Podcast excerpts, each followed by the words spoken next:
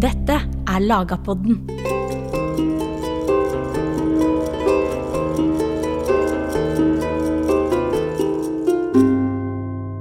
Trondheim var i mellomalderen sete for de norske erkebiskopene. Ifølge Snorre Sturlason ble byen derimot grunnlagt allerede av Olav Tryggvason i 997. Byen lå i maktområdet for ladejarlene. De var i første slekt som kontrollerte Trøndelag og Nord-Norge, et område rikt på naturressurser i både havet og på fjellet.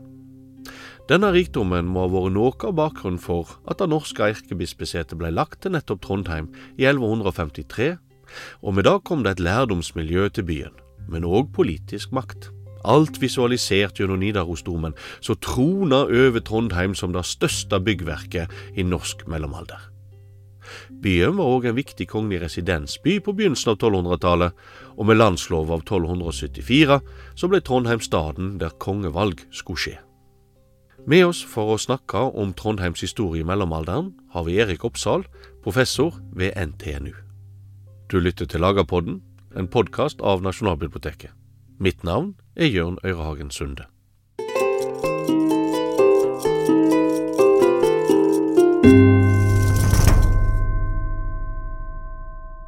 Og Erik, la oss begynne med begynnelsen. Dette med at Olav Tryggvason skulle ha grunnlagt Trondheim i 997, ifølge Snorre. Hva tenker en om det i dag? Ja, det en tenker om i dag, at uh, det Olav Tryggvason eventuelt gjorde, er i hvert fall ikke det som vi moderne mennesker tenker, at han nærmest bestemte at her skulle bygges en by.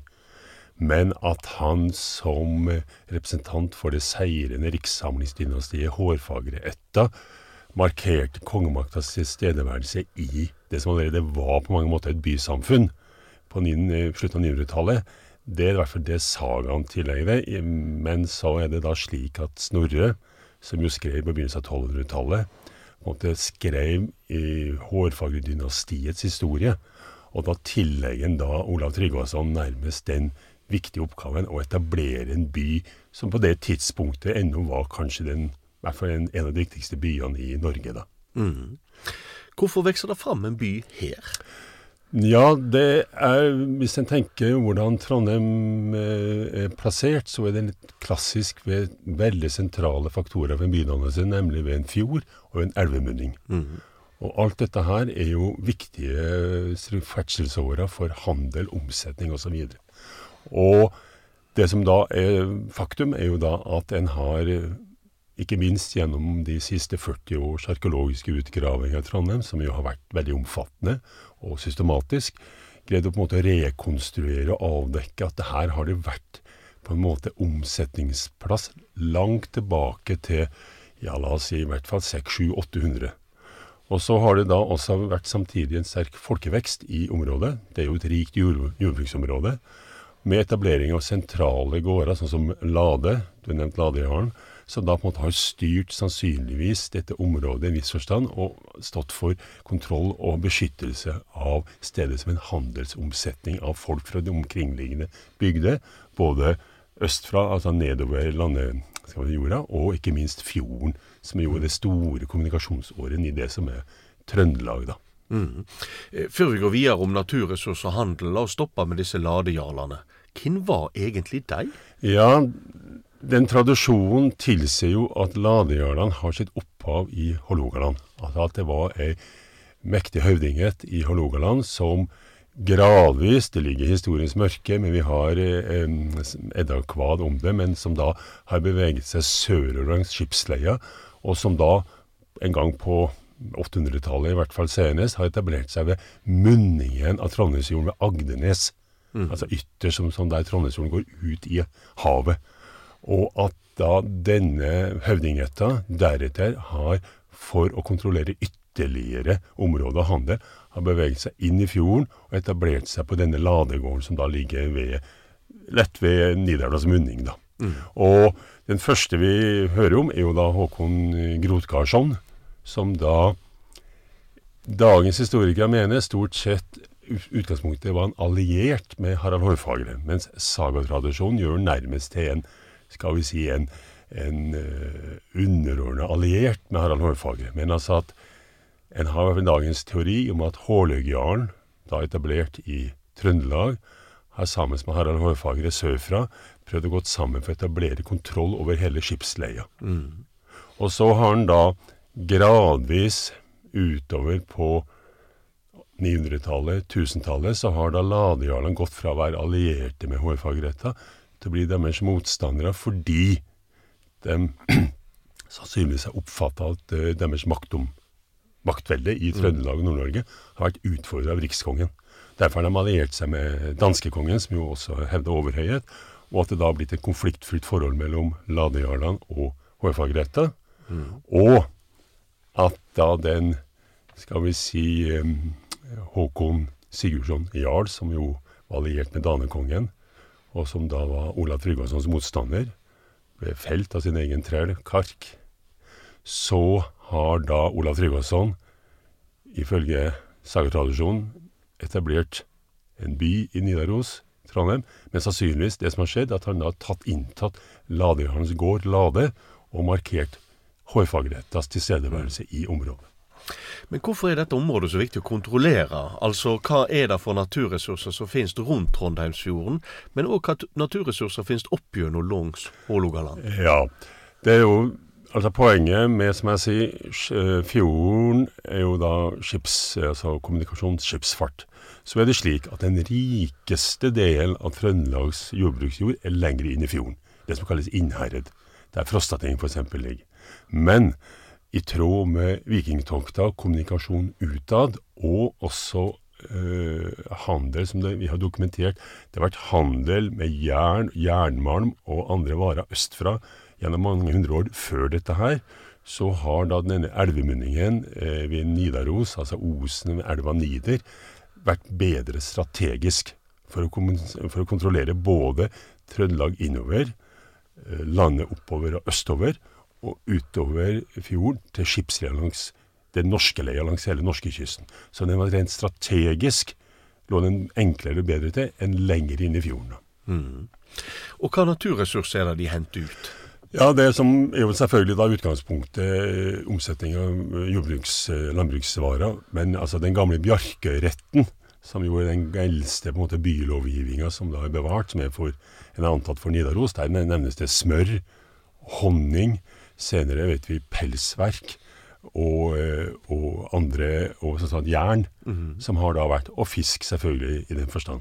Så det er både rent skal vi si, matvare i den forstand, for ikke minst byfolk, byen, kongens menn eventuelt, når de var i byen, og også andre ting som en behøvde da, for sin egen, eh, skal vi si, sin egen drift. da. For sånn blir jo òg området litt spesielt, for innenfor ganske korte avstander så har du alle, hele spekteret av naturressurser, fra jadden på fjellet i inst i Trøndelag, til fisken ute med bjugn og langs uh, kystleia. Uh, og dette området har jo gjort, eller har produsert rikdom som de ikke nødvendigvis brukte lokalt, men de måtte ut.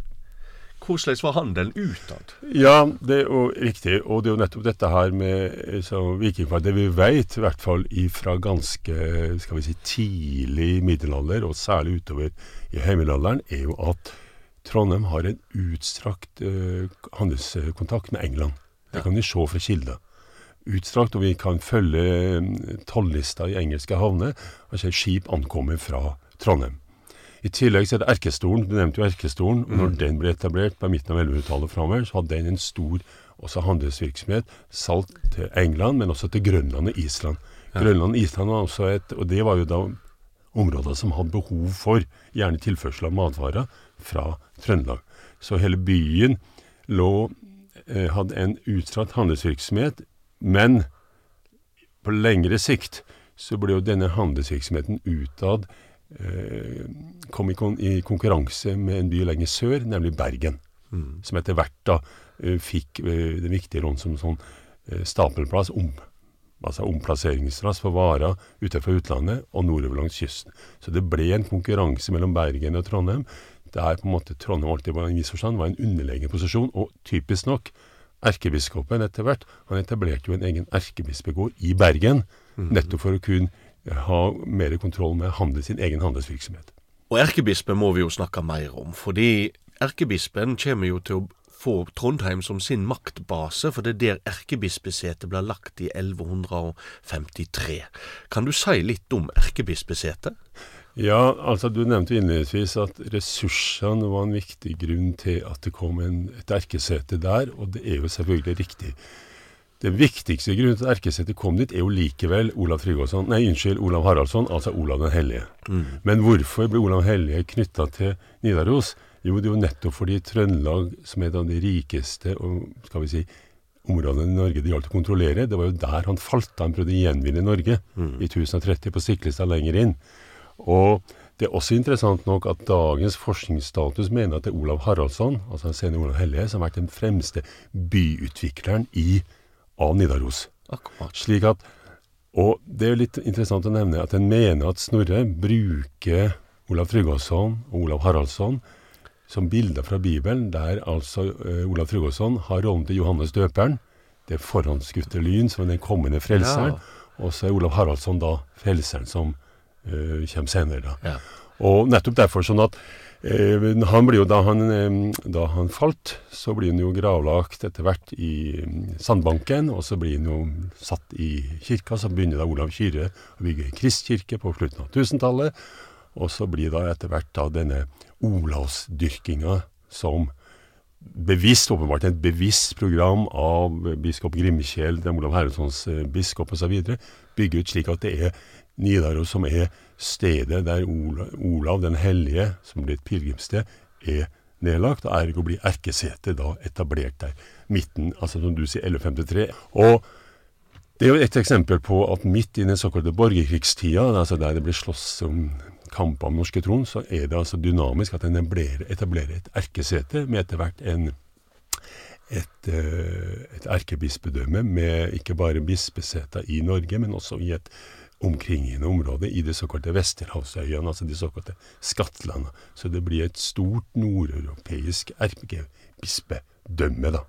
Og denne erkebiskopen begynner jo den, den erkebiskop Øystein Erlendsson, som er da, eller den andre erkebiskopen, det er jo han som da et, begynner virkelig å bygge ut eh, kristkirka til den så, katedralen som da etter hvert vi snakker omtales som Nidaros, Nidarosdomen. da. Ja. Og det blir slik at erkebiskopen blir da på en måte på lang sikt den viktigste sentrum og maktfaktoren for Trondheims utvikling. Mm. Det blir erkebiskopens by. Ja. Og kongemakta, som du nevnte, Trondheim var en viktig residensby for kongen fram til begynnelsen av 1200-tallet. Deretter blir den mindre viktig. Kongen trekker seg ikke helt ut. Han, han reiser til Trondheim, men mye sjeldnere enn til de andre større byene som Bergen, Tønsberg og Oslo. For nettopp fordi at her er det erkebiskopen som dominerer da i økende grad. Men, men sjøl om eh, erkebispesetet er viktig politisk i høgmellomalderen, så skal det jo bli enda viktigere i seinmellomalderen. Og det skal vi få høre om snart.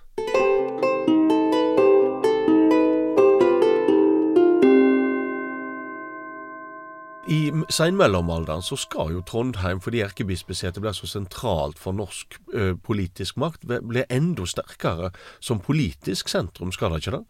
Jo, det er helt riktig. Da kongemakta flytter ut av landet fra Kalmarunionen fra slutten av 1300-tallet, på lang sikt, så er det erkebiskopen som blir den mektigste innenlandske politikeren. Han blir rent politisk først reelt leder av riksrådet, Datias regjering. Han blir formelt anerkjent som det. Han utbygger et nettverk av vasallklienter, såkalte setesveiner, fra Sunnmøre i sør til Finnmark i nord, som kontrollerer og, og passer hans interesser i handelsnæringa. Erkebiskopen er dypt involvert i handelen, tørrfiskhandelen osv., slik at han blir uten sammenligning den mektigste innenlandske politikeren og en betydelig politiker maktressursmessig også i nordisk sammenheng. Og den myten er jo det at Nidarosdomen brenner i 1328 og blir ikke gjenreist før i 1800-tallet. Det er liksom er symbolet på Norges fall fra storhet til undergang og gjenoppretting. Men nyere forskning har vist for det første at Nidarosdomen blir betydelig bedre vedlikeholdt og utbygd i semilalderen. Og ikke minst så bygger jo erkebiskopen ut Nordens beste og kanskje eneste bevarte erkebispe eh, slott, altså den såkalte erkebispegården. Mm. Til en stor befestning og nærmest et slottsanlegg i løpet av 1400-tallet og tidlig 1500-tall. Mm. Og la oss plassere Nidarosdomen og erkebispegården i Nidaros som by. Ligger de i utkanten, ligger de i sentrum? Hvordan skal vi plassere det? Ja, nå skulle jeg gjerne hatt et kart i men det er riktig. Altså, det som første man skal slå fast, er at Nidarosdomen ligger på det høyeste punktet. Og det er helt bevisst, sannsynligvis. Ja. Så er det slik at Og erkebispegården ligger jo rett sør for Nidarosdomen. Og dette er sør for selve byen. Akkurat. Men, og så har vi da når det gjelder kongsgård, når da Snorre sier at Olav Tryggvason etablerte en kong, bygde en kongsgård, det var med såkalte Skipakrok, som er ei bukt inn på den nidre halvøya, som da sannsynligvis, eller som da forsvinner i og med landhevinga. En slik gård har ikke arkeologene funnet noe som helst spor etter. Derimot har Olav Haraldsson et borganlegg, eller et um, kongsgårdanlegg litt lenger nord, mot munningen. Magnus den gode, Olav Haraldssons sønn, har et påbegynt et, som en bare ser rester av. Men Harald Hardråde bygger en kongsgård rett nærmest øst for Nidarosdomen. Og det blir kongsgården i eh, Trondheim, og den er i funksjon vet vi, i hvert fall til midten av 1400-tallet. Ja. Men selve byen strekker seg da nord for dette Kongsgård, Nidaros og erkebispeanlegget. Langs elvebredden på denne halvøya ut mot munningen. Ja, nettopp. Så både Kongsgarden og Erkebispegården ligger egentlig i utkanten, og så strekker byen seg nedover mot sjøen. Riktig. riktig. Og hvordan ser denne byen ut? Altså, La oss begynne. Hvor- mye folk bor her egentlig? Ja, altså, folkeanslag i Middelhavet er jo veldig vanskelig. Men en, en har en sånn tommelfingerregel at uh, La oss si på det høyeste så var det et sted mellom 3000-4000 som da bodde i Trondheim. Og den er som sagt eh, da en har bygd opp slik at den følger altså elve, elva, altså Nidelva. Den går Ja. og den kommer jo da sørfra. Og så kommer den mot Trondheimsfjorden på det som heter Nidareid, som er et smalt eid. Som det, elva ikke har greid å gå gjennom. Ja. Så tar den en stor slyng rundt denne halvøya, og så går den ut ved Osen, da, ved, eh, ved dagens eh, Brattøra og Nyhavna. Og det som er da poenget, er at da har altså opprinnelig bebyggelsen vært litt lenger opp i elveløpet, det som heter Skipakrok, som en mener arkeologene har funnet antydning til, til en form for sentrum og bosetting. Men så har det dette gradvis blitt bygd ut en by rundt dette her, eh, med, by, med bygårder, og en har fått et gatesystem der en har såkalte strieta, de største, som går da eh, nord-sør. Ja, Og så har den såkalte allmenninger som går øst-vest. nettopp. Og av disse tre stretene så er det vel tre som er navngitt. Det er Bredegate, og det er, ja, det er Vestre Strete, men også er det- den såkalte Kaupmannastrete. Ja, Og Kaupmannastrete kan vi faktisk i dag gå. For det er dagens Krambugata, som da er altså det eldste middelalderske gateløpet fremdeles bevart i Trondheim. Ja. Uh, og så har da disse bygårdene ned mot elva etter hvert begynt å bygge ut brygger, som har vært private brygger ut i elva. Så Derfor har vi jo denne, altså denne, elve, denne, denne bryggerekka vi har i dagens uh, Trondheim langs Nidelva. Det er jo Den eldste brygga der er fra 1700-tallet, men jeg har jo funnet ut at mye av eksempel på, altså på bysida, la oss si det, sentrumssida, så er det sannsynligvis eh, grenser som går langt tilbake til middelalderen, der disse bryggene har eksistert, men det ble satt nye brygger opp da, på Ja. samme stedet. Ja. Og hvor var sentrum i denne byen? Altså det, I dag så alle som kommer til Trondheim, de finner jo torget med Olav Tryggvason-statuen. Var da sentrum i mellomalderen? Nei. Da, ikke sånn som du beskriver byen? Nei. Ikke i det hele tatt. Altså, dagens torg hører, er ikke middelalderens torg. Det er fra tidlig moderne tid. Og dagens torg og den delen av byen lå utafor byen. Mm. Middelalderbyen lå helt til øst, mot elva, og en har ikke funnet noe som helst spor etter torg, men en har antatt den nevnte eh, Kaupmannastretet, altså denne Krambugata, Ja. har i realiteten fungert som et torg, for det er der kjøp av handelsvirksomhet har fungert. Så det har altså vært en, eh, en by som da har på en måte vært i, da, I forhold til dagens sentrum, så ligger den, den er ganske nære dagens sentrum. Den er fremdeles en sentral del av det indre Trondheim, men altså, sentrumet har til en viss grad beveget seg vestover gjennom historien. Og hvis vi nå tenker oss torget og elva, så imidlertid der finner vi Vår Frues kirke. Og den er jo i lag med Nidarosdomen, de to kirkene som er bevart fra mellomalderen i Trondheim. Men når erkebispen satt der, og dette var hans by, hvordan så byen ut da? Var det mye kirke og mye kirketårn? Ja, det var det. En har, en har eh, funnet totalt sett nevnt i kildene 18 middelalderkirker i eh, Trondheim-Nidaros. Men som du sier, det eneste bevarte fra middelalderen er da Vår Frue kirke, altså Mariakirka. Mm. Det er den yngre Mariakirka. Det var en eldre som lå et annet sted. Og Nidarosdomen. Og så vet vi alle, vi har de siste åra vi har uh, hørt om Klemetskirka osv. Mm. Poenget som jeg forstår på arkeologene, og også forskning rundt, er at nesten ingen av disse 18 kirkene har har greid å blitt eh, identifisert, lokalisert nøyaktig. Det er uenighet. En har skifta navn. En periode han trodde at det var den kirka, så han kom til nytt. Så det er, det er veldig vanskelig. Men at det har vært mange kirker i denne lille, lille byen, Ja. det er sikkert.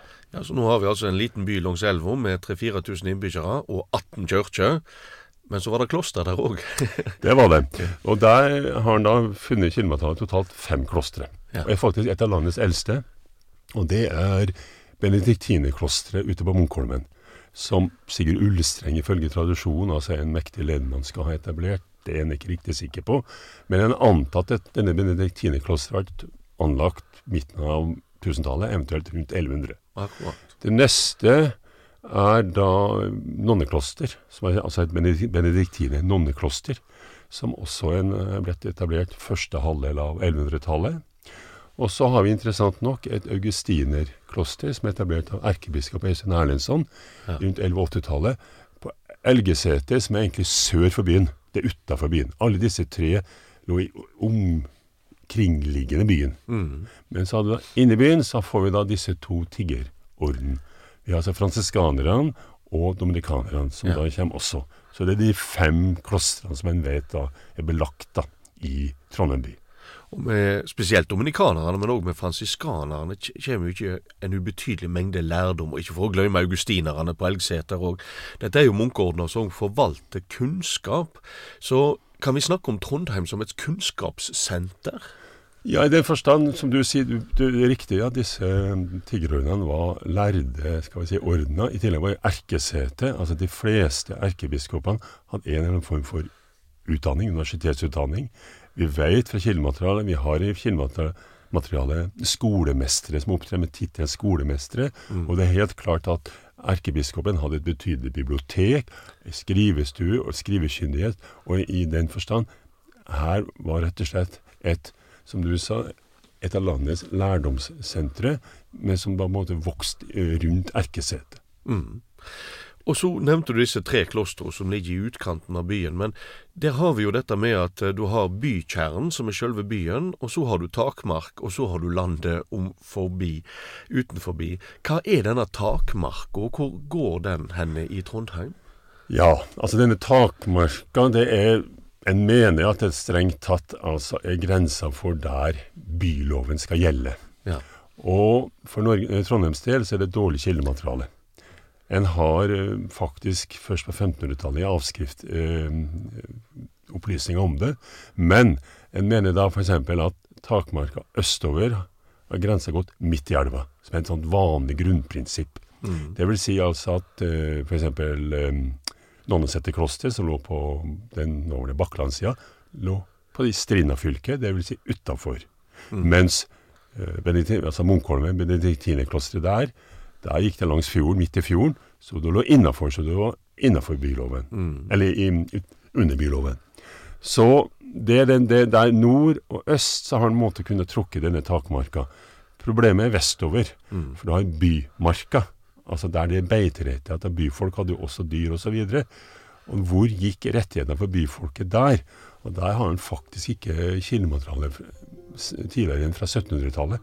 Men en mener at en kan trekke visse grenser da over mot begynnelse, og eventuelt også fra mot Byåsen, men det er i hvert fall, en kan ikke trekke skarpt den grensa. Men da har vi iallfall fått klarlagt hvordan Trondheim så ut i mellomalderen, hvordan byen vokste fram, og ikke minst hva naturressurser som den som ble skipa ut fra Trondheim og ut til, til resten av Europa. Så tusen takk til deg, Erik Oppsal fra NTNU, for at du har gitt, delt din kunnskap med oss.